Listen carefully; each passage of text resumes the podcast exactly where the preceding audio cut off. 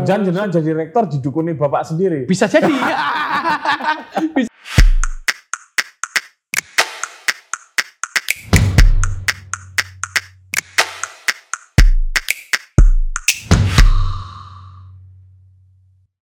Halo teman-teman, ketemu lagi dengan saya Putut EA Kepala Suku Mojo dan di siang ini Sabi Salat Jumat kami soan ke sosok yang sangat penting. Bahkan kalau di UIN Sunan Kalijaga paling penting. Bapak Profesor Dr. Al Makin. Assalamualaikum Prof. Waalaikumsalam Mas Tut, apa kabar? Alhamdulillah. baik. Alhamdulillah. Iya. Kelihatan segar. Di era pandemi. Iya. Mhm. Eh, Prof Makin ini saya nyebutnya kadang nanti Pak, kadang Prof gitu. Ya monggo monggo Iya. Mas Putut. Ya. Ini salah satu rektor termuda di UIN usia 47 jadi rektor ya Pak ya. ya begitu. Jarak apa beda umur kami itu baru apa, 4 tahun saja. Oh, empat tahun berarti 4 kelahiran tahun, tujuh 77 ya. tujuh tujuh. 77 Mhm. dan beliau sudah jadi rektor sementara saya cukup jadi kepala suku Mojo. Wah itu lebih ngetop itu dari kampus. lebih banyak pembacanya Iya. daripada jurnal saya. Nah, nanti kami akan ngobrol banyak dengan Hmm. Prof Makin ini Mhm. karena beliau sebetulnya salah satu intelektual yang luar biasa. Eh, karya tulisnya, beliau ini S2-nya di Kanada, Montreal ya Pak ya. Ya betul. Terus kemudian S3-nya di Heidelberg, Heidelberg. Heidelberg. Terus di sini pun eh, bertugas di lembaga pe- pengabdian masyarakat, Pak. Dulu di LP2M, LP2. penelitian pengabdian masyarakat. penelitian dan artinya sejak dulu sudah dekat dengan penelitian dan pasti karya tulisnya saya cek banyak sekali di Hmm. berbagai jurnal dan mengerikan menulis selama hampir lima tahun di Jakarta Post Mhm. ya bang ya Ya betul. dan Pak gimana rasanya jadi rektor Ya, alhamdulillah eh, semua berkat doa, semua kru, semua Sivitas Akademika UIN dan berkat kebaikan teman-teman UIN Sunan Kalijaga semuanya lancar, alhamdulillah ya. Ini berkat dukungan, berkat kerjasama dan kebaikan hati semua orang sehingga semuanya mulus. Iya. tapi membayangkan nggak kelak akan menjadi rektor jabatan tertinggi untuk UIN UIN itu kalau nggak salah mahasiswanya berapa Pak? sekarang sekitar 25 25 ribu. dua puluh lima ribu kalau alumnus alumninya udah nggak terhitung lah termasuk dua kru kami ini dan dari dulu salah satu pusat intelektual di Betul. Jogja Betul, ya kami beruntung eh, kami memulai eh, intelektual Indonesia itu dari Jogja. Mulai dari era 70 Pak Prof Mukti Ali, Mukti ya, Ali ya eh, di bidang dialog antar agama, kemudian menjadi Menteri Agama Iya, di betul. era Pak Harto.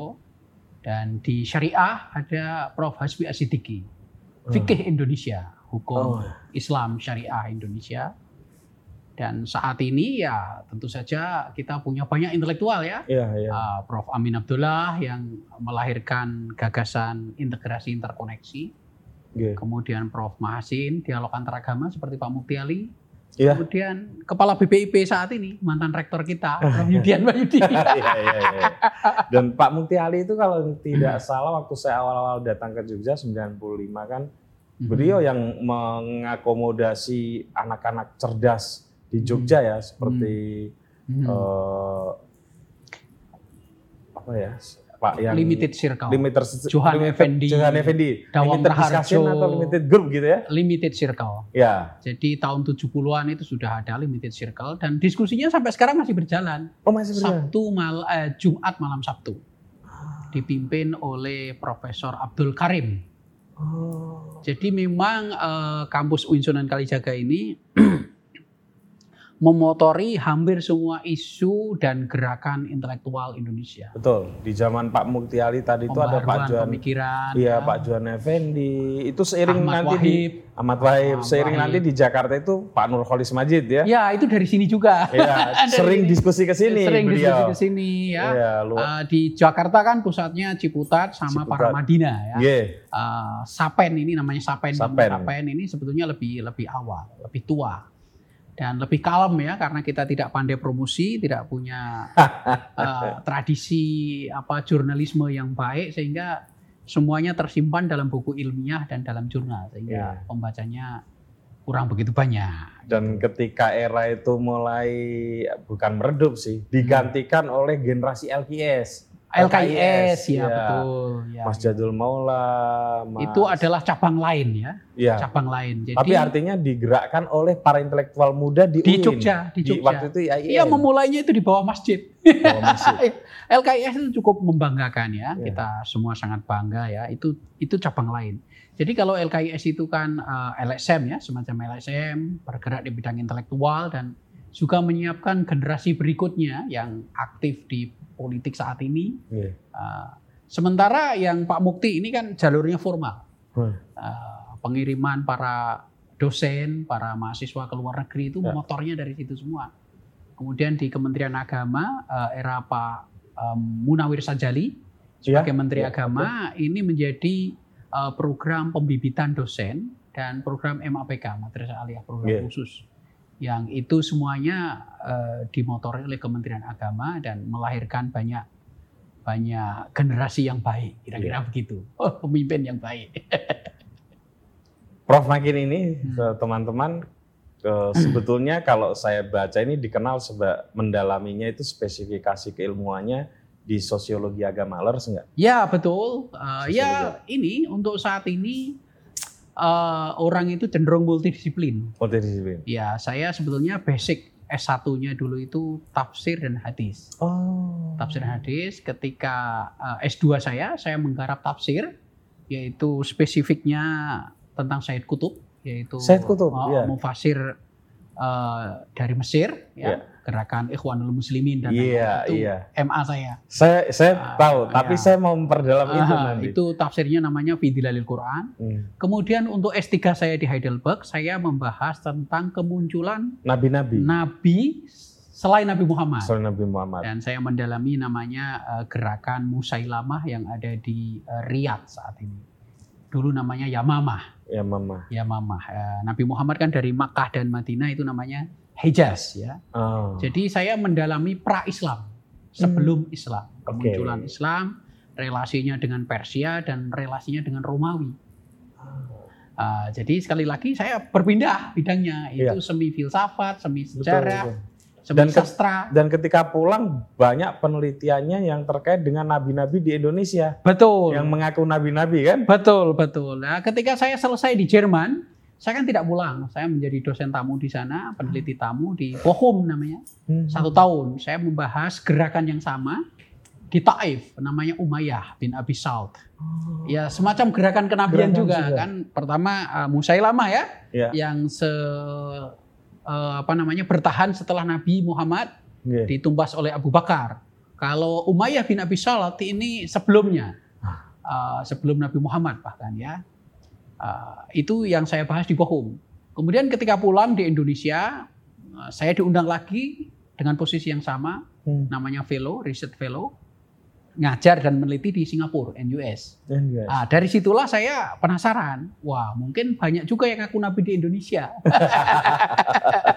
Sehingga riset saya waktu itu mengungkap kurang lebih ada 600 ya, yang Oh. dari zaman kolonial sampai zaman sekarang. Tapi yang paling terkenal yang saya sempat baca itu eh, Ibu siapa tuh? betul ya Eden, Lia Eden Lia sama Eden. Pak Musadek. Musadek, ya betul. Dua-duanya sudah saya publikasikan itu. Ya, ya. Uh, yang Lia Eden saya terjemahkan dalam bahasa Indonesia, yang Pak Musadek masih dalam bahasa Inggris di jurnal ya. jurnal ya. Uh, kemudian saya keliling-keliling uh, Indonesia itu untuk uh, bertemu dengan mereka yang merasa. Dan itu waktu itu sudah di LP 2. belum, belum, M, belum, belum. Memang Ah, senang meneliti ya? apa petualangan intelektual ya? Ya, ya, ya, ya, itu menarik karena kan saya basicnya itu kan uh, literatur sebetulnya. Saya kan tafsir ya dan hadis ya. Okay. Jadi uh, basic S1 saya itu adalah hadis dan tafsir dan itu klasik kan abad 7 gitu kan. Ya, ya, ya. Uh, kemudian uh, S2 saya masih hermeneutik ya. ya. S3 saya lebih klasik lagi, pra-Islam. Iya. nah, kemudian saya uh, ketika sudah selesai S3 baru saya banting setir ke modern. Dan ternyata karena saya punya basic antropologi ya, saya belajar antropologi di Montreal, di Montreal ya. dan juga di Heidelberg di, hmm. di Jerman saya belajar antropologi uh, saya sangat menikmati interview. saya sangat menikmati interview dan menikmati ke lapangan. Menikmati ke lapangan uh. dan itulah yang membawa saya ke hampir seluruh uh, pulau di Indonesia. Betul, betul. Untuk uh, apa namanya? Wah. mencari informan itu. Wah ini kita dalam hal itu agak mirip lah. Pak, mhm. kenapa memilih Said Kutub? Ah, waktu itu karena S1 saya basicnya tafsir, Nyun Sewu, kalau S1-nya apa ya? S1 skripsi. saya membahas skripsi berjudul Richard Bell. Richard Bell itu seorang uh, ahli Al-Quran dari Edinburgh. Hmm. Edinburgh itu di Inggris. Uh, tentang kronologi Al-Quran.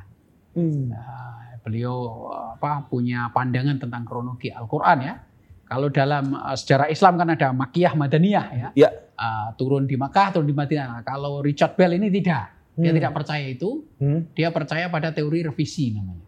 Hmm. Jadi setiap Gimana tuh, Pak? surat di dalam Al-Quran itu pasti mengandung dua unsur itu. Karena Al-Quran itu menurut dia ya tidak bukanlah teks yang tertulis, tetapi teks yang uh, dilisankan. Dilisankan, sehingga yang namanya penyesuaian uh, selama Nabi Muhammad hidup. Oke. Okay. Itu menurut teori dia ya, hmm. bukan saya. Ya. Di Islam uh, eh, di fikih kan ada juga ya. Oh ada. Yang ada. hukum terbaru menggugurkan. Uh, iya, itu namanya nasah mansuh. Nasah mansuh. Uh, cuma Richard Bell ini percaya nasah mansuh lebih semuanya gitu, tidak tertentu. Oh, kalau di Islam kan hanya tertentu, tertentu ya, tertentu ya. Misalnya tentang hamar ya kan? Ya betul. Tentang, tentang apa alkohol ya, iya, iya, iya. boleh kemudian tidak boleh tidak ya. Boleh, ya. Ah, dan banyak hal itu ya. kalau si Bel ini semua. Semuanya, semuanya. Hmm. Dan dia membuktikan itu dalam dua buku besar itu, komentari on the Quran gitu ya, dan the Quran translated. Itu hmm. S1 saya. udah di, udah dibukukan nih. Oh, tidak, oh skripsi. Loh, skripsi kalau bagus, Pak. skripsi itu masih tersimpan itu. Kemudian S2 saya ke Said Kutub. Karena waktu itu nah. saya tertarik bagaimana seorang penafsir Al-Qur'an itu juga seorang aktivis. Iya. Dan seorang oposisi uh, Jamal Abdul Nasir ya, presiden uh, Mesir dan saya dapati bahwa dan jejaknya sampai sekarang kuat sekali. Sampai sekarang kuat sekali dan tafsir beliau berjudul Fi Dilalil Quran ini sebetulnya tafsir biografis ya. Karena itu nah, sekaligus kenapa disebut tafsir biografis? Saya agak bertanya-tanya waktu membaca ini kenapa ya hmm. disebut tafsir biografis gitu. Karena seluruh petualangan, eh, perjalanan, seluruh karir dia itu tertuang di dalam tafsir itu. Oh. secara tidak sadar atau dengan sadar saya nggak iya, tahu. Iya, iya. Subjektivismenya masuk ke situ. Ya, kalau dalam postmodernisme semuanya ya subjektif lah. Iya, iya, betul, betul. Tetapi saya sebagai peneliti waktu itu menyimpulkan bahwa semua pandangan Said Kutub dan aktivismenya di politik itu bisa dilacak di dalam tafsir itu. Hmm. Karena dia sambil menceritakan perjalanannya yang sangat pahit ya. Iya, iya, iya. Dia di penjara, kemudian dieksekusi ya. Apa poin-poin kuncinya di situ? Ya misalnya salah satu ayat yang saya pilih waktu itu adalah tentang Fir'aun ya. Uh, Ad dan Samud ya. ya. Jadi Said Kutub itu beranggapan bahwa Amerika, Jamal Abdul Nasir dan musuh-musuh politiknya adalah Fir'aun. Ya. Oh. Semacam Fir'aun, Fir'aun modern. Ya, ya. Ya, ya. Sedangkan Nabi Soleh, Nabi Hud, dan Nabi Musa itu kira-kira ya beliau gitu. iya, iya. Dan itu secara implisit ya, tidak eksplisit. Hmm. Uh, karena pakai teori hermeneutik waktu itu. Iya. Hmm. Apa yang kira-kira hendak di highlight dari uh, tesis tersebut? Wah, ini pertama kali saya berbicara di publik tentang tentang tesisnya Said Kutub itu ya. Iya. Ya, sekali lagi di dalam uh, teori postmodernisme eh, hampir semua karya buku, hampir semua karya sastra itu adalah eh, autobiographical istilahnya ya. Autobiographical itu setiap karya itu akan merefleksikan perjalanan penulisnya. Betul. Ya, misalnya tentang Pram ya, anak Ya, segala bangsa dan lain-lain. Ya. Jangan-jangan itu membicarakan tentang Pram sendiri, Iya, bukan term- ke Termasuk jagat batinnya.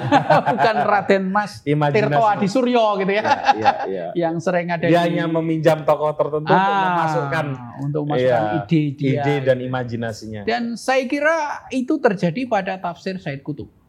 Terjadi pada Said Kutub. Jadi, Terutama pengalaman pengalaman pahit beliau, kekalahan beliau, penderitaan beliau semua di penjara ya. Ya, ya. Itu tertuang dengan jelas di Fidilalil Quran. Hmm. Nah, lalu yang disertasinya, kenapa berbalik?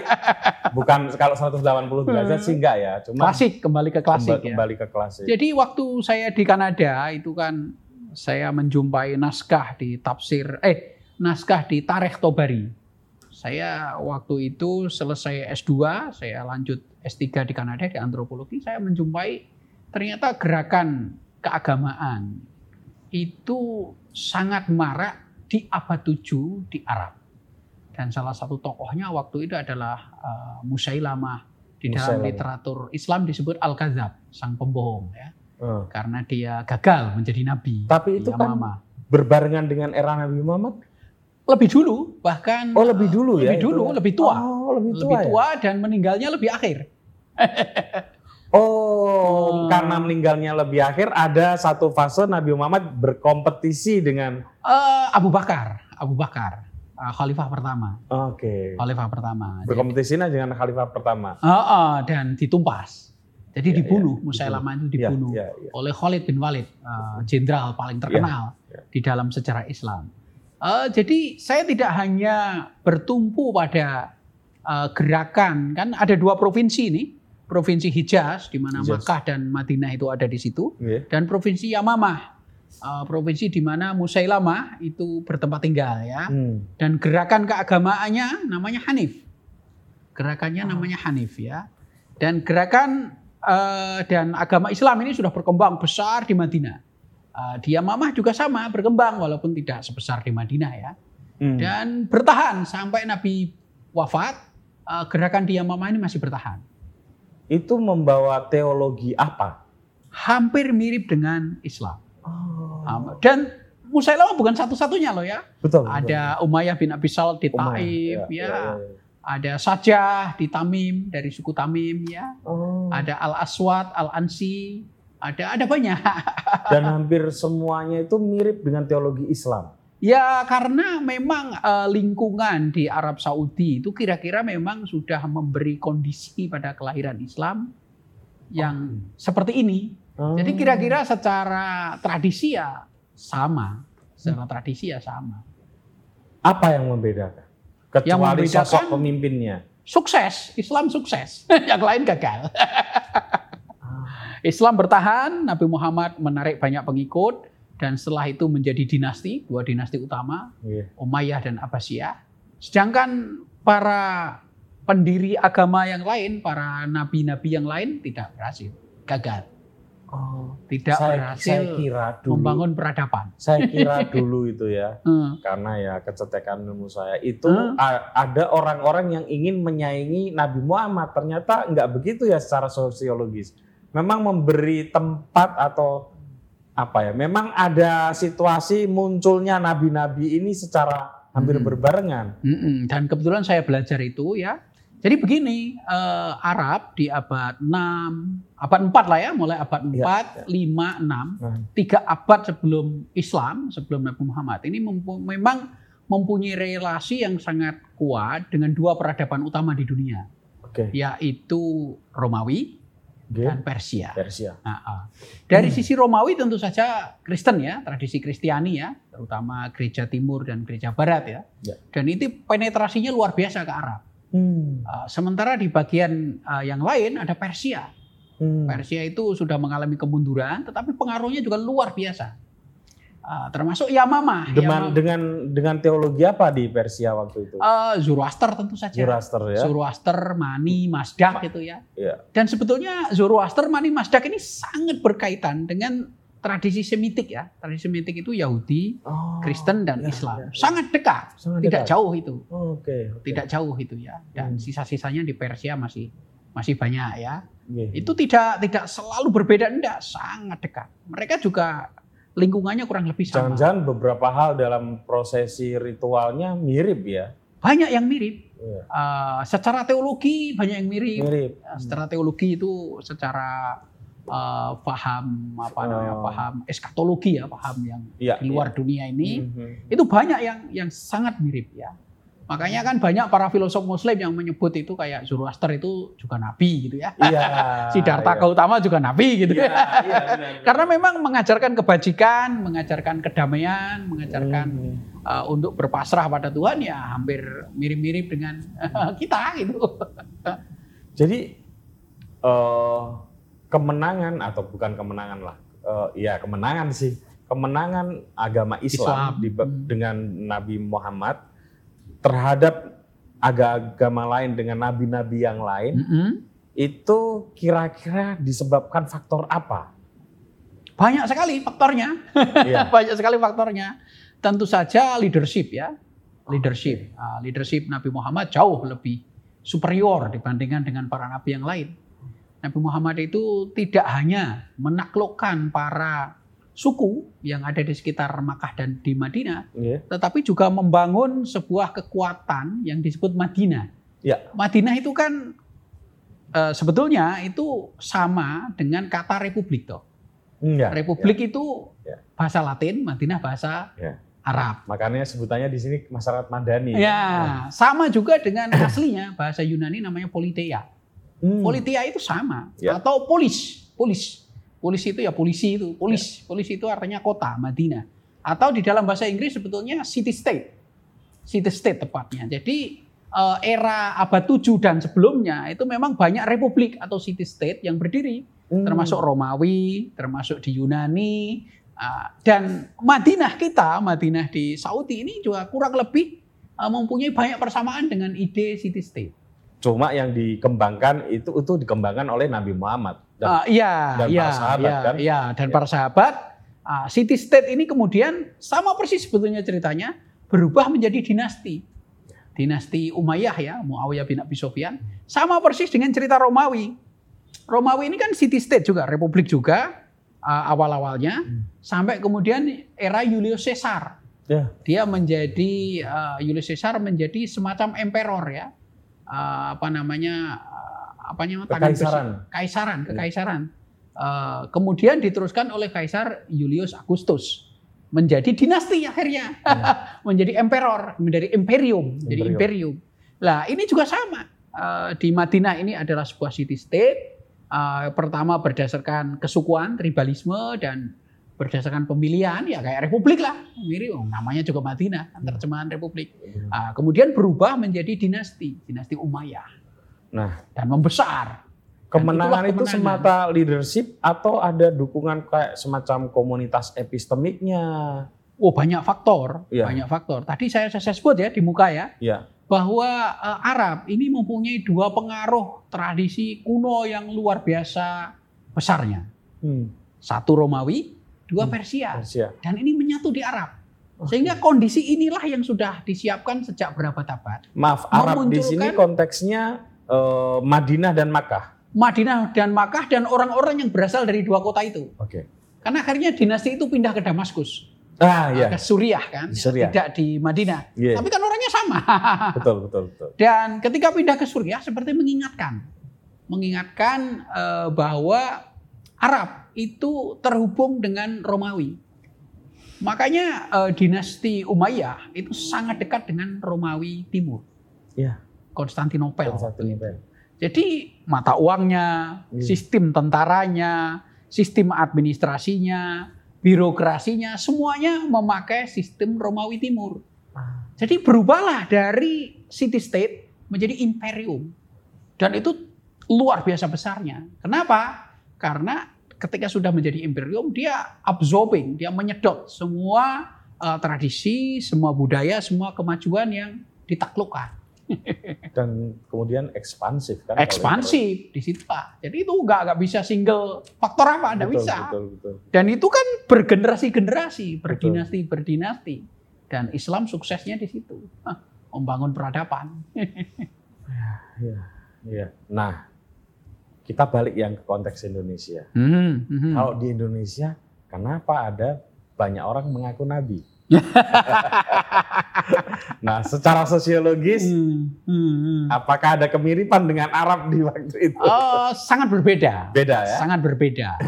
Jadi uh, kita juga menjadi persimpangan ya. Jadi Indonesia atau Nusantara itu menjadi persimpangan tradisi besar dunia. Satu adalah tradisi India tentu saja lewat Buddhisme dan Hinduisme. Yang kedua adalah tradisi Cina. Uh, itu masih sekarang masih ada di sini. Cinanya juga menjadi kawan kita yang baik gitu ya.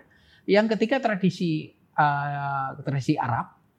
Si Arab termasuk Islam ya. Dan terakhir tradisi Eropa dan tradisi Amerika tentu saja ya. Dan dengan bergantinya tradisi ini Indonesia menjadi kaya. Misalnya pengaruh dari Buddhisme melahirkan uh, sistem yang kita sebut sebagai Mandala Sriwijaya. Ya. Sriwijaya di mana? Di Palembang, kemudian pindah ke Jambi, Muaro Jambi. Itu merupakan sistem uh, Buddhisme dan menjadi pusat Buddhisme di Asia. Bahkan menghubungkan antara Cina dan ya. India lewat Sriwijaya. Pusat di Asia itu artinya pusat di dunia kan? Iya, iya, Buddhisme di dunia, betul. Ya. Uh, itu mulai dari abad 5 atau abad 5 atau abad 6 sampai abad 12. Oke. Okay. Jadi Sriwijaya itu jauh, jauh lebih lama dari Majapahit yang hmm. perlu digarisbawahi. Okay. Dan itu maritim murni. Dan sistemnya maritim Mandala. Tidak uh, sentralistik ya. Kalau Indonesia saat ini kan negara kesatuan. Ya. Ini benar-benar federal. Federal. Ya. Federal dan Mandala. Mandala masing-masing punya kekuasaan dan bersatu menjadi Sriwijaya sampai Campa sampai hmm. Malaysia, sampai uh, ya Vietnam, sampai Vietnam. jauh itu wilayahnya. Tapi Timur tidak ikut. Nah, hmm. Nah. Kemudian pengaruh kedua eh, Hindu Buddha uh, disatukan ini ya, terutama Mahayana, Tantrayana dan Siva, yaitu Majapahit. Ya. Dan Mataram kuno juga itu juga Hindu Buddha ya yang membangun Borobudur. Uh, itu cuma Majapahit itu cuma satu abad sebetulnya kalau bisa dihitung itu cuma satu abad eh, dua abad lah gitu ya. ya itu apa uh, kejayaannya ya. Kejayaannya era-era puncaknya itu. Ya. Dan dia sudah kombinasi dua maritim dan dan agrikultur. Ya. Dua-duanya berjalan, hmm. tapi maritimnya luar biasa juga. Nah, ketika maritim Indonesia ini runtuh lah, baru penjajah Eropa itu datang. Hmm. Dan ya saling berkesinambungan yang meruntuhkan ya sebenarnya Eropa yang meruntuhkan apa namanya maritim.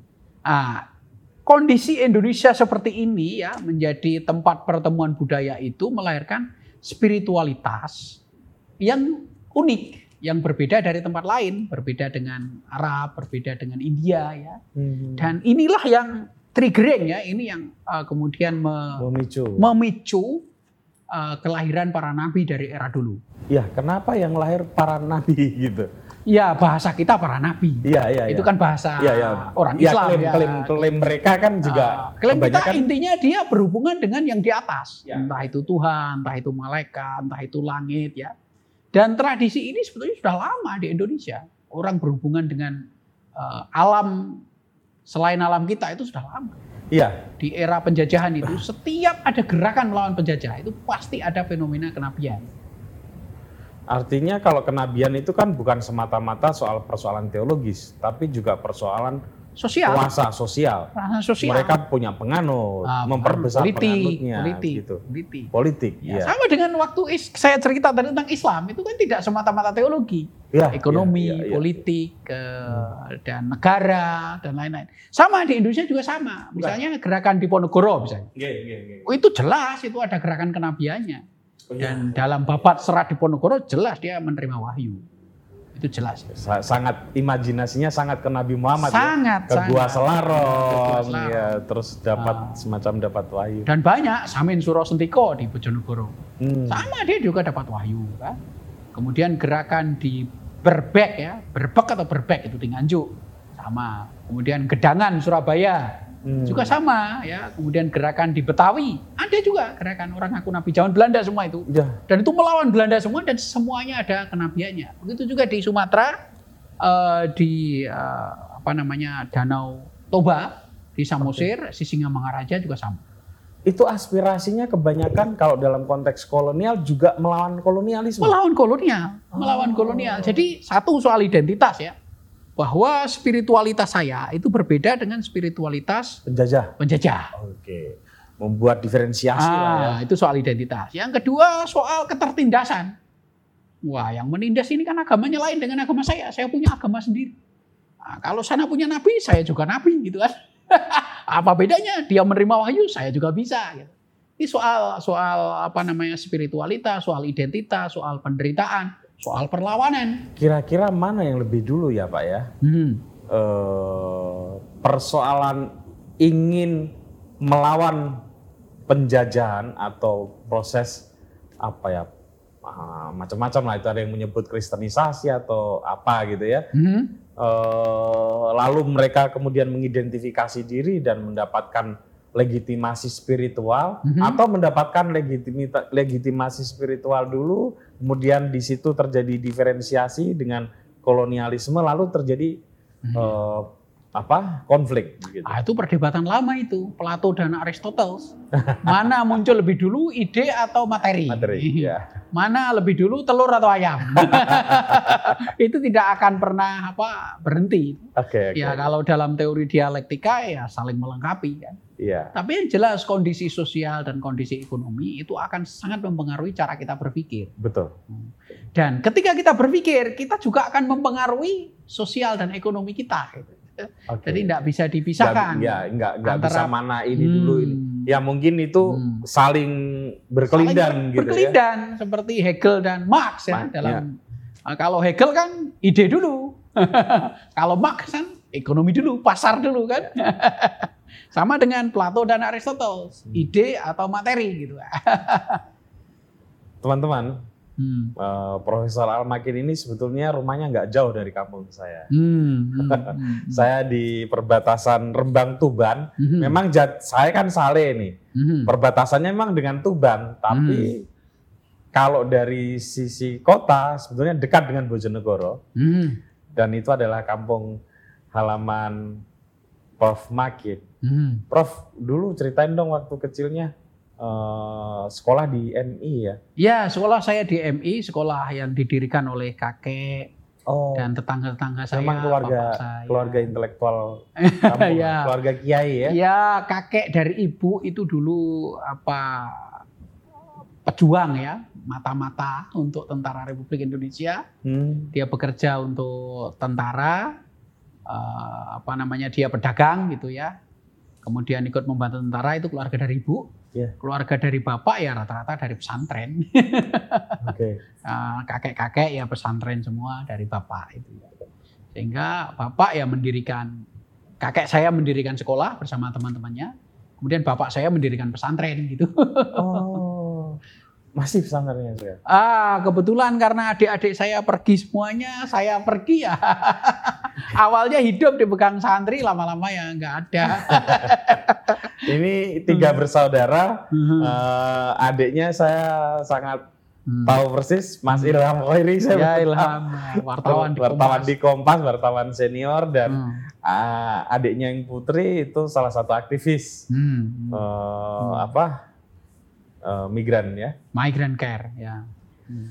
Eh, Sanawiyah di situ ya di Sana Kedongaden ya saya di Bojonegoro, sudah pindah ke kota saya. sudah ke kota Jadi saya MI di MI saya sendiri, oke kemudian sanawiyah saya di Bojonegoro, saya pesantren di Adenan Al Haris, bagian dari pesantren Nah, Abu Zarin. itu bersamaan waktu sanawiyah terus Pesantren bersamaan. pesantren bersamaan Bersamaan. Oh. jadi landasan ke ilmu agamanya sudah matang banget ya Ya karena bapak kan seorang anu ya, ya pengajar ngaji di kampung lah, ya indeso lah. Ya Ya. saya belajar dengan bapak waktu kecil. dan kemudian aliyahnya di MA Alias saya pindah ke Jember. Jember ke Jember. Eh, MA. itu ya MAPK itu MAPK. berbeasiswa ya itu unggulannya Pak Munawir Sajali waktu itu Betul. Menteri Agama. Betul. Kenapa me- tertarik masuk di MAPK Jember? Ah, itu bukan tertarik, dipaksa karena yang waktu itu kriterianya kan saya kan angkatan kedua. Yang ranking 1 sampai 5 di Sanawiyah itu diharuskan mengikuti tes di situ. Oh sorry, di Sanawiyah ya? Iya, di. Sanawiyah. Sehingga saya lolos ya satu-satunya dan saya nggak sengaja juga ya saya berangkat ke Jember. Jadi bukan istilahnya bukan eh, saya daftar itu enggak karena itu program pemerintah. Dan itu kali pertama berjauhan dengan orang tua kan? Karena Bojonegoro Jember kan lumayan jauh ya. Nah, waktu Sanawiyah sudah jauh saya. Oh, Jadi Kedongadem rumah saya dengan Bojonegoro, Bojonegoro. itu satu jam. Oh, iya. Saya sudah mondok. mirip sa- saleh dengan Rembang berarti. Ah, 40-an kilo ya. Ye, ye, ye. Jadi saya sudah mondok. Jadi Hmm. saya SMP sudah pisah dengan orang tua. Saya sudah di pesantren. Nah, lulus dari eh, aliyah Mm-mm. di Jember, Saya ke sini. kenapa ke IAIN. memutuskan di IAIN sini? Saya sebetulnya daftar dua waktu itu di Semarang, IAIN Semarang, IAIN karena Semarang. kakak kelas saya banyak yang di Semarang dan dapat keringanan SPP sampai selesai. Iya. Dan di sini di Jogja yang tidak dapat keringanan sama sekali. dan saya memilih di Jogja karena ya nggak tahu ya, saya lebih suka di Jogja suasananya. Hmm. Di Semarang kok rasanya panas gitu ya. Iya. Air waktu itu sulit gitu ya. Di bukit-bukit itu ya Hmm. saya putuskan untuk di Jogja. Kenapa yang dipilih tafsir hadis? Iya, karena pendidikan dasar saya itu. Sejak kecil kan saya belajar Al-Quran, belajar bahasa Arab, Hmm. Nahu, Sorob, Imriti, Alfiyah, eh, Takrib, kitab-kitab itu. Ya paling pas bagi saya tafsir hadis lah gitu. Iya. Eh, tafsir hadis ya syariah saya kurang menyukai hukum ya. Tarbiyah rasanya jadi guru nggak nyaman gitu ya. Adab terlalu sastra ya tafsir hadis lah kayaknya pas saya. Pas. Waktu itu saya enggak berpikir aneh-aneh, pokoknya ini kayaknya pas ini. Dan waktu itu bercita-cita jadi dosen. Ya enggak tahu saya cita-citanya jadi apa ya. Saya berubah terus itu. Waktu kuliah loh. iya, saya waktu kecil kan saya suka ngelukis. Oh, Seluruh iya. keluarga saya, Ini, bapak, ini saya baru Ah. tahu loh lukisannya. saya pikir lukisan ya namanya ruang Hmm. rektor kan pasti adalah fasilitas iya. mungkin beli lukisan gitu Enggak, ya. itu lukisan saya. Lukisan sendiri. Jadi Luar bapak saya, kakek saya konon juga ngelukis. Bapak saya ngelukis. Padahal kiai ya, Iya, ya. iya bapak saya ngajar ngaji, eh, ceramah, diundang dan semi dukun lah bapak saya. Kalau ada orang yang kena sakit, Oh. istrinya pergi, Oh. eh, mau cerai ya ke rumah saya, mau jadi lurah, mau masuk abri, mau Jangan-jangan jenengan jadi rektor didukuni bapak sendiri. bisa jadi, bisa jadi. Jadi setiap kita mau tes, setiap kita mau masuk apa ya dikasih air sama bapak ini minum. Ah. Dulu Iya, waktu iya, bapak iya. masih hidup, Iya, iya. bapak iya, saya iya. kan meninggal tahun 99 atau dua- 2000 tahun 2000 tahun 99. Iya, iya, iya. Jadi sudah sudah Tapi lama. bapak melukis, Bapak bisa melukis. kaligrafi atau Kaligrafi bisa, melukis orang melukis bisa. kayak gini nih ya? Ya enggak sampai pakai cat, tetapi kan ketika SD saya sudah dibelikan cat. Saya sudah punya cat air, kemudian beli cat minyak, Hmm. punya pastel, punya apa alat lukis kami dari kecil sudah lengkap. Nyun sewu Hmm. eh, di beberapa pemikiran Islam gitu ya, Hmm. pem- bukan Hmm. sebagian ulama kita kan Hmm, mengharamkan gitu Nah, ya. nanti di- ya enggak tahu, saya enggak berpikir ke sana.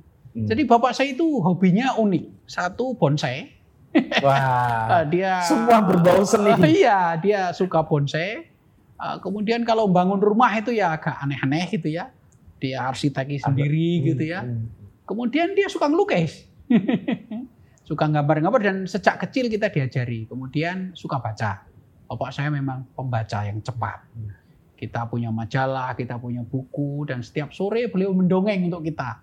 Mulai. Joko Tingkir, Joko Dole, wayang, seluruh mitologi di Indonesia, apa Andi Uleng, Mata Empat, eh, Jadi- Lidah Pahit, tiap sore. Iya, ekosistem eh, intelektualnya kuat sekali nih Prof ya. Di MI, di pondok pesantren, di rumah. Ya, kebetulan bapak saya suka membaca. Kebetulan suka membaca, dia sering beli buku. dan itulah yang memberi apa namanya imajinasi kita waktu kecil. ya saya enggak punya sawah kata bapak. Hmm. Saya enggak punya harta ya kamu sekolahlah baik-baik. Siapa tahu itu bermanfaat itu. Ternyata bener jadi. ya. Adik saya sekolah ngikuti saya semuanya. Mas Ilham Khairi itu di mana ya kuliahnya? Di Jakarta, UIN Di Jakarta. UIN ya, UIN UIN Jakarta. Jakarta, S2-nya di ITB, Ya. seni lukis. Tapi memang banyak banyak ini sih, banyak banyak Hmm. menulis eh, mengulas Seni. tentang seni Ya, kan? dia pelukis yang sesungguhnya dia. Ah. Karena dia lulusan seni lukis ITB, seni rupa, seni Seni murni, rupa, Iya, iya, iya. Art. Saya melukis sejak dulu dan tidak pernah berhenti, tapi saya tidak secara formal tidak. Walaupun secara pergaulan ya, eh, literatur ya, tapi secara official saya tidak tidak ada itu sertifikatnya. Kalau adik saya kan jelas S2 seni rupa. Terus eh, kapan memutuskan saya jadi dosen? Ya, nggak tahu saya ya. Ya, ketika saya lulus S1, saya waktu itu semester 4 itu ya. Semester 4 saya belajar bahasa Inggris karena saya nggak punya basic bahasa Inggris itu. Oh, Semester bukannya tiga. di MAPK bahasa Inggris? Sedikit, sedikit. Bahasa Oh. Arab ya. Bahasa Arab ya? Ya, bahasa Arab kenceng bisa. saya. Ah, ketika itu saya beli kaset. Kan belum ada internet waktu itu. Iya, iya, iya. Saya beli kaset. Oh, kaset yang bahasa Inggris itu ya? Ah, Iya, saya iya, dengarkan. Iya, iya. Terus saya dapat beasiswa Super Semar namanya waktu itu dari pemerintah zaman Orde Baru. Saya belikan radio yang S4 itu, Hmm. SW4 itu. Setiap hari saya dengarkan walaupun saya tidak paham. Ah, berita dari Washington Voice, iya. uh, ABC, BBC. BBC. Saya dengarkan walaupun saya tidak paham. Lama-lama paham. Jadi mukjizat juga, lama-lama Wah, paham. ini, ini, ini trik ya buat Nah, teman-teman kemudian saya beli buku bahasa Inggris. Beli banyak sekali dan waktu itu kan nggak bisa beli, saya fotokopi. Fotokopi, saya terjemah satu-satu, lama-lama saya paham. Oh itu mukjizat juga. Oh ternyata Tuhan menolong saya menurut saya waktu itu. Saya paham dan makanya skripsi saya eh, tentang Richard Bell dalam semua literaturnya bahasa ya. Inggris. Berbahasa Inggris. Dan saya ingin menulis skripsi bahasa Inggris walaupun tidak boleh waktu itu karena bahasa Inggrisnya belum bagus bener. Oh, tapi Tapi- sebetulnya kalau bagus bener boleh. Ya, ya mungkin lama, Mungkin kalau kurang sekarang boleh ya. mungkin Kalau dulu mau, kayaknya ya. nggak boleh. Nah, kemudian sebelum lulus saya sudah punya TOEFL. Uh, TOEFL itu Iya, sertifikat iya, iya. uh, test of foreign language itu. Sehingga saya belum lulus S1, saya apply ke S2 Kanada dan lulus. Saya belum punya ijazah itu. Sudah masuk S2 di Kanada. Oh, Karena- gitu. Iya, karena saya sudah punya TOEFL, Iya, bahasa. Inggris saya sudah jalan. Ya karena belajar sendiri tadi lewat radio, lewat kaset itu. Dan kebetulan ada semacam Dan itu belum diangkat jadi dosen di sini. belum, belum, belum lulus kok. saya belum lulus S1. Ah, tapi asisten dosen Belum juga, Belum juga ya. enggak juga. Ini, agak unik perjalanan. Iya. Jadi memang saya waktu S1 mulai semester 2, semester 3 itu setiap hari mendengarkan bahasa Inggris, radio itu. Mhm. Setiap hari. Mhm. Enggak pernah enggak gitu. Setiap malam itu sampai lupa mematikan. Karena bahasa Inggris itu SW-nya kan enggak stabil ya. Ya. Akhirnya dia beleor sendiri Iya, gitu iya, loh. iya, iya. Kan Kadang seperti radio sekarang kan. enggak, iya. Sekarang pakai HP kan sudah canggih gitu ya. Iya. Ah, itu sehingga bahasa Inggris saya lumayan gitu. Saya punya TOEFL lebih dari 500. Saya lulus eh, apa di tes itu bahasa Inggrisnya bagus sehingga saya daftar ke Kanada. Waktu itu ada program di UIN dengan eh, SIDA Ya. eh, dan dengan McGill saya McGill, lolos. ya. Sehingga saya pergi ke Kanada, ijazah saya belum jadi. jadi saya diterima S2 itu ijazah saya belum jadi, akhirnya saya minta ijazah khusus bahasa Inggris dan ditandatangani rektornya Pak Simoh waktu itu. Pak Simo. Ya. Ya, terus saya pergi ke Kanada. Pulang dari Pulang Kanada. dari Kanada baru saya diberi tugas ngajar Ah. di sini. Ini menarik nih teman-teman karena ternyata perjalanan jadi dosennya seperti itu dan ketika jadi rektor belum pernah jadi dekan, belum pernah jadi pembantu rektor. Terpilih jadi rektor termuda. Eh, saya balik ke tadi. Hmm. Saya baca tulisan Anda yang di Jakarta Post kalau tidak salah. Anda Hmm. termasuk tidak setuju kalau nabi-nabi di Indonesia ini dihukum. Mhm, mhm. Kenapa? Ya, kalau memang tujuan kita ingin uh, mendidik masyarakat supaya lebih rasional, ya, supaya lebih baik, uh, penghukuman itu tidak akan mendidik.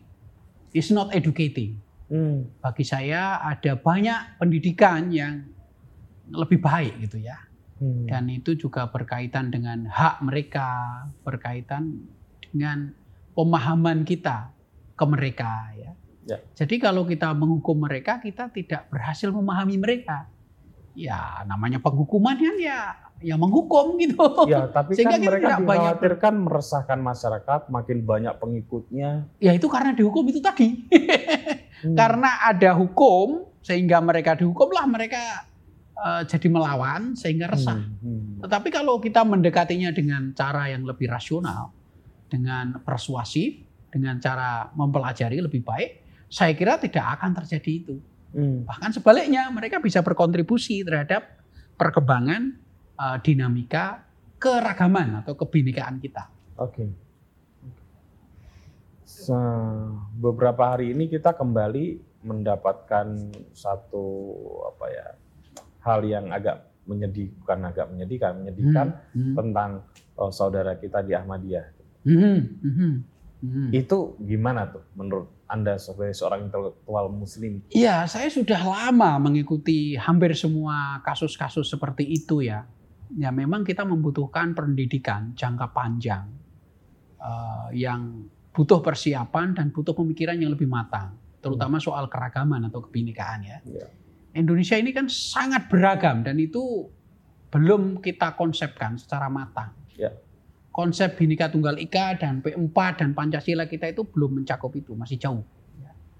Sehingga eh, seperti Ahmadiyah, seperti para nabi-nabi itu tadi, belum benar-benar kita pikirkan bagaimana posisinya ya, hmm, hmm. secara bijak gitu ya. ya. Misalnya begini saja, sederhana. Waktu kita mulai dari SD sampai perguruan tinggi, kita hanya mempelajari satu tradisi keagamaan. Betul. Bahkan cenderung melarang mempelajari agama lain. Ya. Nah, menurut saya ini yang perlu dipikirkan ulang hmm. secara nasional, kurikulum nasional ya. Hmm. Menurut saya justru sebaliknya. Kita hendaknya mempelajari agama lain. Kalau di UIN ada kan perguruan ah, Kalau di UIN ada, ya. tapi kan sudah perguruan tinggi dan ya, hanya betul, di UIN. Ya. Perguruan tinggi lain kan enggak. Secara psikologinya uh, udah panjang sudah telat, ya. Sudah telat. Sudah telat. Seharusnya sejak kecil kita itu sudah diajari hmm. hmm, hmm. berkawan dengan agama lain, eh, melihat dan memahami agama lain menurut orang yang memeluknya. Bukan Karena kita, kita banyak agama dan banyak aliran agama. di sini. Ya. Satu agama Islam saja berapa organisasi? Betul. Muhammadiyah, NU, Nahdlatul Ulama, Ahmadiyah, Syiah. Syiah pun banyak, ada Ijabi, ada Ahmadiyah pun banyak, ada Kodian, ya. ada Lahore. Lahore uh, iya, ya terus terang NU pun juga sangat kaya gitu loh. Betul. Spektrumnya uh, spektrumnya luar, luar biasa. biasa. Muhammadiyah juga sama. Yeah. Apalagi kalau berbicara politik, siapa mendukung siapa gitu ya. Dan ini tidak kita ajarkan mulai dari kecil, hmm. sehingga gagap kita, gagap ya istilahnya, tidak tidak siap, tidak siap menghadapi keragaman. Padahal itu kenyataan yang harus kita hadapi sehari-hari. Betul. Inilah yang harus dipersiapkan oleh Indonesia dalam jangka panjang.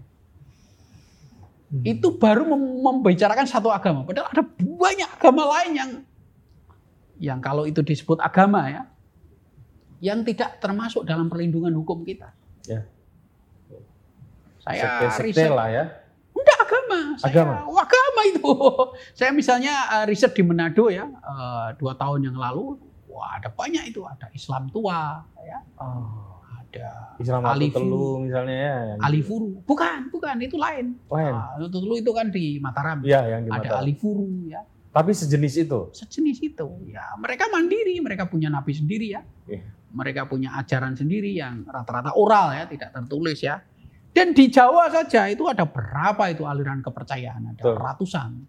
Menurut daftar saya sih di tahun 2013, 2013 udah lama sekali saya riset itu. Ya. Itu di Jogja aja 175. Di Jawa Tengah 350-an. Wow. Aliran kepercayaan kelompok itu dan itu unik mereka punya tradisi sendiri gitu ya. Dan ini yang harus kita kita didik masyarakat kita untuk mengetahui, untuk mengetahui saja dan memahami bahwa ini ada, bukan bukan rekayasa gitu ya. ya. Kebanyakan umat Islam mayoritas menolak itu karena dianggap melanggar akidah-akidah Islam. Ah, inilah PR kita yang paling besar. Hmm. Bahwa hidup ini tidak hanya berisi tentang dogma. Tidak hanya berisi tentang teologi. Ada sosiologi, ada antropologi, ada filsafat. Dan itu cara memandang fenomena itu lain-lain. Ya. Seperti tadi kita berbicara tentang Setuju. Islam, itu kan secara historis dan Historis. sosiologis Hmm, ya. hmm. Dan hasilnya sangat lain sekali gitu ya. Betul. Betul. Ah, ya gitu. Jadi tidak tidak hanya satu pandangan. Dan inilah yang menurut saya pemerintah punya kewajiban merubah kurikulum kita. Pandangan kita terhadap kebinekaan, pandangan kita terhadap agama, Hmm. pandangan kita terhadap etnis, terhadap budaya, terhadap bahasa ini belum masih jauh. Perlu kita pikirkan dan perlu dipikirkan lebih mendalam lagi, lebih serius lagi. Itu apa ya? Pandangan-pandangan pluralistik seperti yang Anda pahami gitu itu didapatkan sejak kapan? Kok? Saya kira di dunia ini sudah jauh sekali berkembang itu. Enggak di Anda, maksud saya secara personal gitu. ya pengalaman hidup saya lah dan tradisi di UIN Sunan Kalijaga sini terutama. Oh, oke. Kan tadi kita cerita tentang Pak Mukti Ali ya. Pak Mukti kan Ali. sudah lama dimulai dari tahun 70.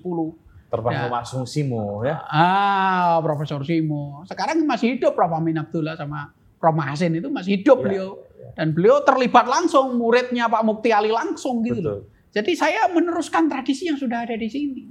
Di samping tentu saja saya uh, pengalaman saya di Jerman, di Amerika, di Kanada, Australia, Singapura itu mempertajam itu.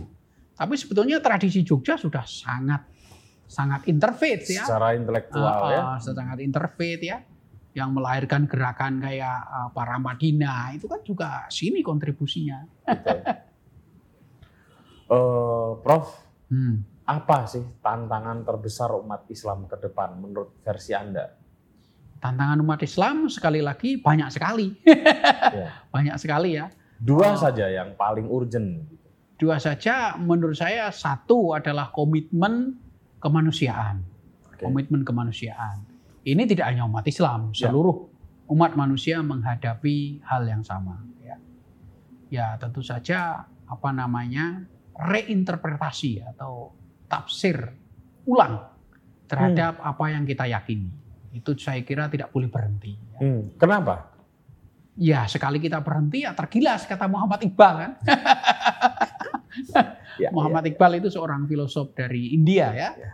Ah, kalau Anda berhenti ya tergilas. Dan dunia ini sudah sangat cepat berkembang. Misalnya eh, di Indonesia ya, sedikit sekali kita dengar tentang global warming ya. dari perspektif kita, perspektif Muslim. Ya. Padahal ini sangat urgent. Nah, Ah, ekosistem, eh, biodiversity, Hmm. ini sangat urgent ini. Dan ini harus kita tanggapi di Padahal Indonesia. di di di, di Al-Quran sebenarnya banyak juga ya. Ya tentu saja, tapi kan butuh tafsir kita. Butuh tafsir. Nggak mungkin butuh- dia berjalan sendiri kan. ya, butuh sains juga. Untuk butuh sains. Yang jelas butuh mulut kita untuk menyuarakan. Betul. Ya, Setuju. ya. Jadi uh, global warming misalnya. Ya. Kemudian tadi keragaman, kebinekaan. Ini urgent ini, keragaman. Kalau tidak Indonesia akan runtuh. Hmm. Dan Indonesia bertahan. Itu karena itu. Para founding fathers kita itu sudah melihat ke sana. Soekarno, Hatta, Syahrir, Gus Salim, ya Bagaimana dengan isu keadilan ekonomi? saya kira itu akan mengikuti. Hmm. Saya kira itu akan mengikuti. Ya, ini bukan dalam arti politis loh ya. Ya, ya. Kalau saya juga politik tidak bertanya dalam konteks politik. Ya itu akan mengikuti. Eh, yang jelas begini, saya membaca akhir-akhir ini Hans Rosling ya bukunya judulnya Factfulness Oke. Hans Rosling. Dia menulis bahwa dunia ini sebetulnya jauh membaik dibandingkan 50 tahun lalu Oke. atau 100 tahun lalu. Jauh membaik. Hmm. Saya kira Indonesia juga sama. Hmm. taraf hidup kita meningkat, kita lebih pintar, ya. Uh, gizi kita meningkat, umur kita lebih panjang, Hmm. dan kita jauh lebih bijak daripada 100 tahun yang lalu. Banyak penyakit yang bisa diobati. Ya. Ah, ah, sehingga penyakit itu nampak karena ilmu kita lebih lebih bagus gitu ya, alat kita lebih canggih ya. Dan saya yakin Indonesia ini juga sama Oke. dengan uh, kondisi dunia, semuanya meningkat, pendidikan kita meningkat ya. Makanya tantangan kita juga meningkat karena pengetahuan kita tambah gitu ya. Nah, sekarang masuk ke UIN nih. Ah, Kalau ah. agenda UIN, eh, slogannya kalau saya baca di pidato pengukuhan Anda sebagai profesor itu UIN eh, untuk bangsa, untuk bangsa dan UIN mendunia. UIN mendunia. Ya. Nah, Gimana tuh Mas? Ya itu sebetulnya sudah sudah dijalani oleh para intelektual, para sesepuh kita di UIN itu sendiri ya. Uh, karir uh, para pendahulu saya, uh, para guru-guru saya seperti Prof. Mahasin, Prof. Amin, Prof. Yudian, Prof. Mukti Ali itu sudah jelas mengarah sana. Pertama mereka mempunyai uh, peran secara nasional. Dan kita tadi bercerita kan bahwa Pak Mukti Ali tentang harmoni antara umat beragama ya. Trilogi kerukunan umat beragama itu dari Jogja. Ya. Dan sekarang Pak Yudian, Prof. Yudian menjadi BPIP. Hmm. Nah, itu artinya win untuk bangsa dan saya yakin Prof Amin Abdullah, Prof Masin juga sama berperan untuk nasional. Mendunia jelas sekali reputasi guru-guru saya itu sudah mendunia.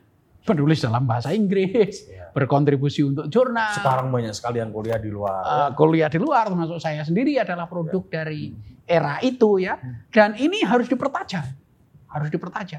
Ini kan era globalisasi, kita tidak mungkin uh, bersembunyi kemudian membatasi diri untuk tidak bergaul itu ya. Ya. Kita harus terlibat di dunia ini dan harus mengambil peran di dunia ini ya. Uh, untuk bangsa jelas kita sudah sudah tidak tidak mungkin kita lari dari situ. Uh, dan sumbangan UIN yang jelas tentang pemikiran-pemikiran udah banyak. Uh, kerukunan beragama, keragaman, Pancasila, kita Ya. berusaha ke arah sana dan kita dorong generasi ini untuk lebih bagus lagi setelah kita. Prof, ini pandangan eh, pertanyaan dari orang yang agak Hmm. awam tentang UIN ya. Hmm. Ketika men- dari IAIN menjadi UIN kan ada beberapa fakultas yang Hmm. mirip, bukan mirip, sama dengan universitas yang lain. Ya, ya. Apa yang membedakan dengan universitas yang lain? Karena ada karakter atau identitas UIN di sini. Ya jelas berbeda lah. Ya. Jelas berbeda. Per- perbedaannya apa? Perbedaannya mata kuliah. Oh, Oh, mereka menerima tradisi kita, tradisi UIN, oke. tradisi keterbukaan, tradisi moderasi, tradisi antar iman, dan tradisi keislaman sendiri yang lebih mendalam, tentu Hmm. saja. Hmm. Dalam mata kuliah, dalam lingkungan. Ya. Dan ini impact-nya akan luar biasa bagi para mahasiswa UIN, Hmm. baik yang Saintex, uh, Fishum maupun yang FEBI ya, Fishum Fisik dan Humaniora, Ya. Fakultas Ilmu Sosial dan Humaniora, FEBI Fakultas Ilmu uh, Ekonomi dan Bisnis Islam. Ya. ya sangat berbeda, saya jamin Beda ya? berbeda. Beda. Hmm. Dari sisi kurikulum, dari sisi lingkungan, dari sisi semangat ya. Bahkan sebelum menjadi UIN masih IAIN, kita sudah berbeda.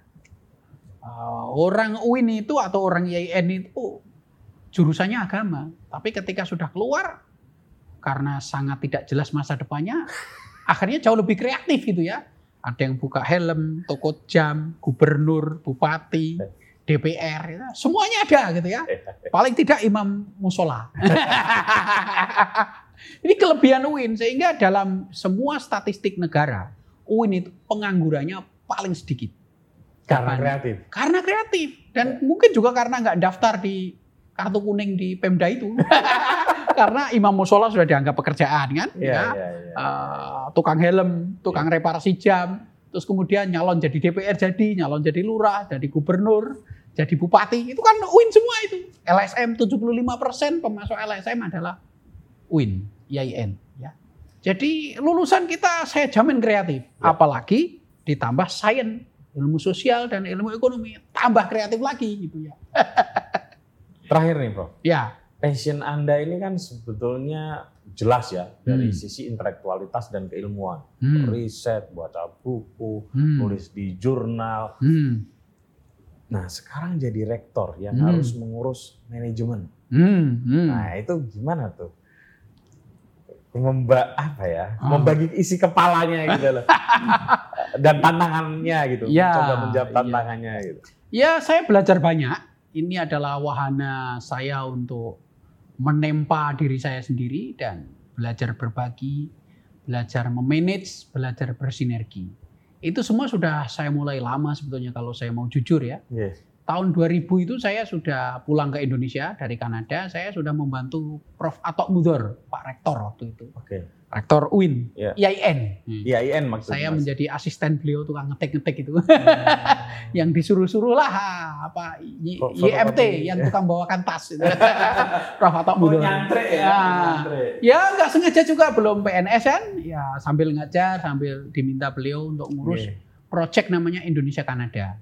Oke. McGill uh, IAIN. Hmm, kerjasama Mora, McGill Ah, ah, University Mora itu sama IAIN. Ministry of Religious Affairs dengan SIDA, Canadian International Ya. Development Agency. Oke. Uh, Di era Prof Amin Abdullah, beliau rektornya, saya ketua kerjasama itu. Uh, sekaligus mendampingi beliau ya Hmm. dan mendampingi Pak Warek satu waktu itu Prof Min Haji almarhum. Uh, jadi saya sudah familiar dengan uh, rektorat karena bukan karena saya pejabat, saya yang menjadi pembantu dalam arti yang sesungguhnya pembantunya pejabat ya. Uh, kemudian selesai doktor, saya memang ke sana kemari. Saya ke Jerman, ke Singapura, ke Australia, ke Amerika, bahkan mau ke Jepang nggak jadi karena ada teman saya yang meninggal di Jepang. Saya nggak jadi berangkat ya. Saya jadi fellow ke mana-mana jadi Ya. dosen tamu. Tapi begitu tiba di sini, rektornya Pak Min Haji, saya diberi tugas ketua penelitian. Rektornya Pak Yudian yang sekarang BPIP, saya diberi tugas ketua penelitian dan pengabdian. Hmm. Uh, jadi saya mengingat ilmu lama saya waktu saya menjadi asisten dua rektor itu. Iya, iya, iya. Ya saya akhirnya dekat juga dengan Pak Rektor waktu itu karena LP2M itu kan sepertinya lembaga, tapi kan skopnya seluruh universitas dan mengurus inti dari universitas yaitu penelitian dan pengabdian. Iya. Di situ saya banyak sekali belajar ya, peraturan, keuangan, manajemen, eh, berbagi ya, eh, bersinergi dengan kawan-kawan, eh, ngomong dan dimong ya. Iya, itu iya. penting. nah, ketika saya diberi amanah lagi menjadi rektor, itu semua menjadi modal saya untuk mengatur. Dan bagi saya sangat dekat antara riset dan manajemen, sangat dekat. Hmm. Ketika posisi saya sama dengan sampean, ke mana-mana saya kan interview. Saya harus mendengar banyak orang, memahami Benar. banyak orang. Benar.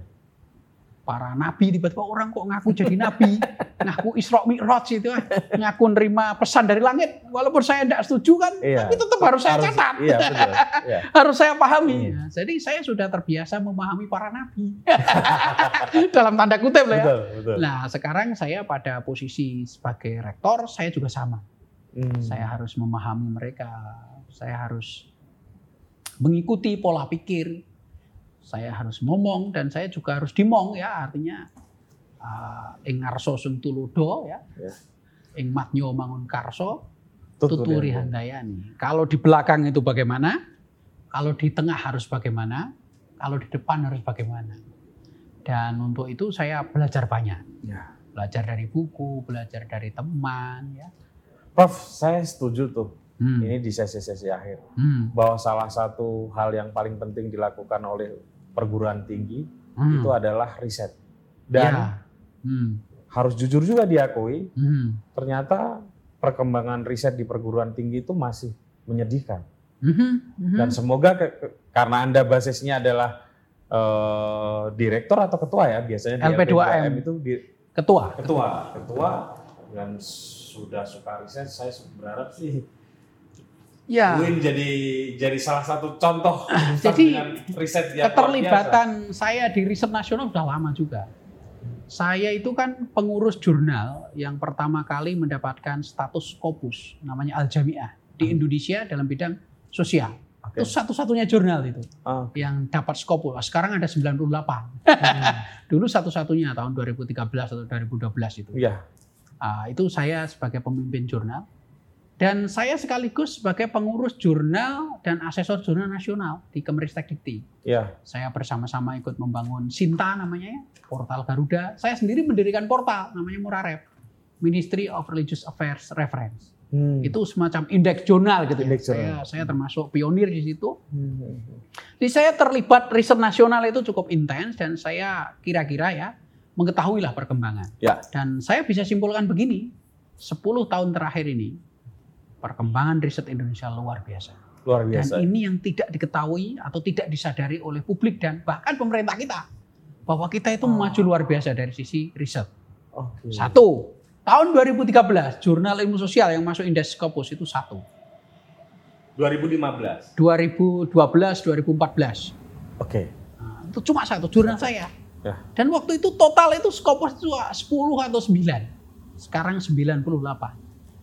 Malaysia itu cuma 80, kalah dengan kita sudah lewat. Dan di semua indeks seperti Simaku, Scopus, EBSCO, ProQuest kita meningkat drastis. Hmm, hmm, hmm. Jadi itu saya kira karena kebijakan pemerintah juga di era Hmm. Pak SBY 30% dari dana BUPTN itu harus untuk riset. Ya, ya. Dan itu impactnya luar biasa. Hmm. Jurnal kita saat ini tuh ribuan di seluruh Indonesia dan itu bisa dicek di Sinta.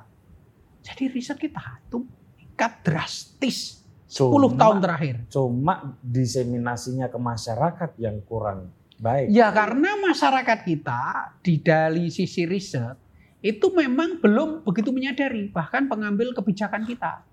Pengambil kebijakan kita sering merendahkan kita sendiri. Iya, atau Ini bikin kok nggak ada riset-risetan riset? sendiri. Itu kan ya, enggak, Padahal itu semua sudah ada di jurnal. Padahal sudah ada di jurnal. Di jurnal itu sekarang jurnal kita itu ribuan.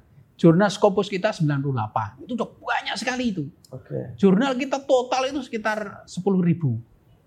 Total itu 25 ribuan di seluruh Indonesia. Yang masuk Sinta itu ya sekitar Oh iya, Pak? 10 ribu. 25 ribu. Iya, seluruh Indonesia, seluruh universitas, semuanya punya jurnal. Dan itu Dan tidak sudah dia, dibaca di, sudah diakui. online, sudah, Sudah online. diakui ya? Iya, sudah diakui oleh. Jadi inilah kemajuan kita. Tidak cukup dihalu-halukan.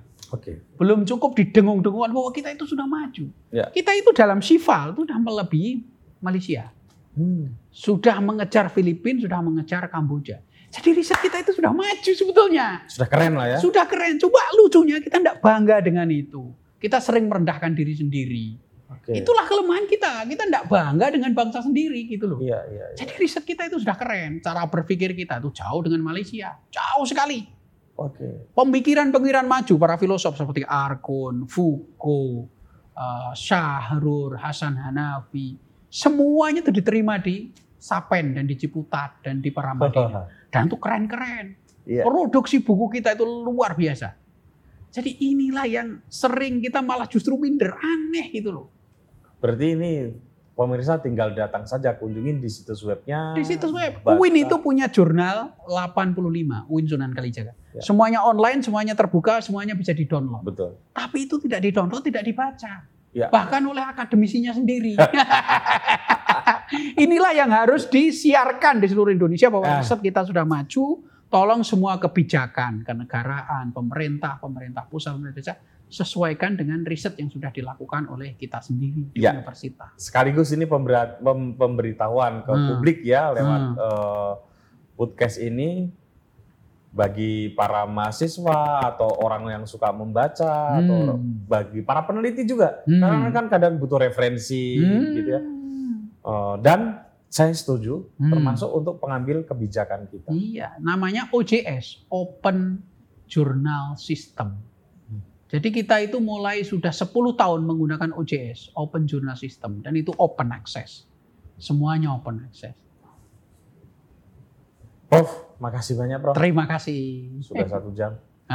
Luar biasa. Tidak terasa. Tidak terasa. Aduh, Hmm. senang sekali ada Senang juga. yang- kalau profesor muda banyak, Hmm. tapi profesor yang menjadi rektor di usia yang cukup muda luar biasa dengan pemikirannya yang luar biasa Terima kasih. dan semoga eh, sukses sampai tiga tahun lagi ya kalau nggak salah ya. Tiga tahun lagi, Tiga Mas. tahun lagi. Itu bisa terpilih lagi nggak? Ya doakan aja. Ya, doakan yang terbaik secara- lah. Secara hukum bisa. Secara aturan hukum, boleh terpilih ya, lagi. ya begitulah. Kayak presiden ya dua kali. Dua kali. Oke. Semoga terpilih lagi. Terima kasih doanya.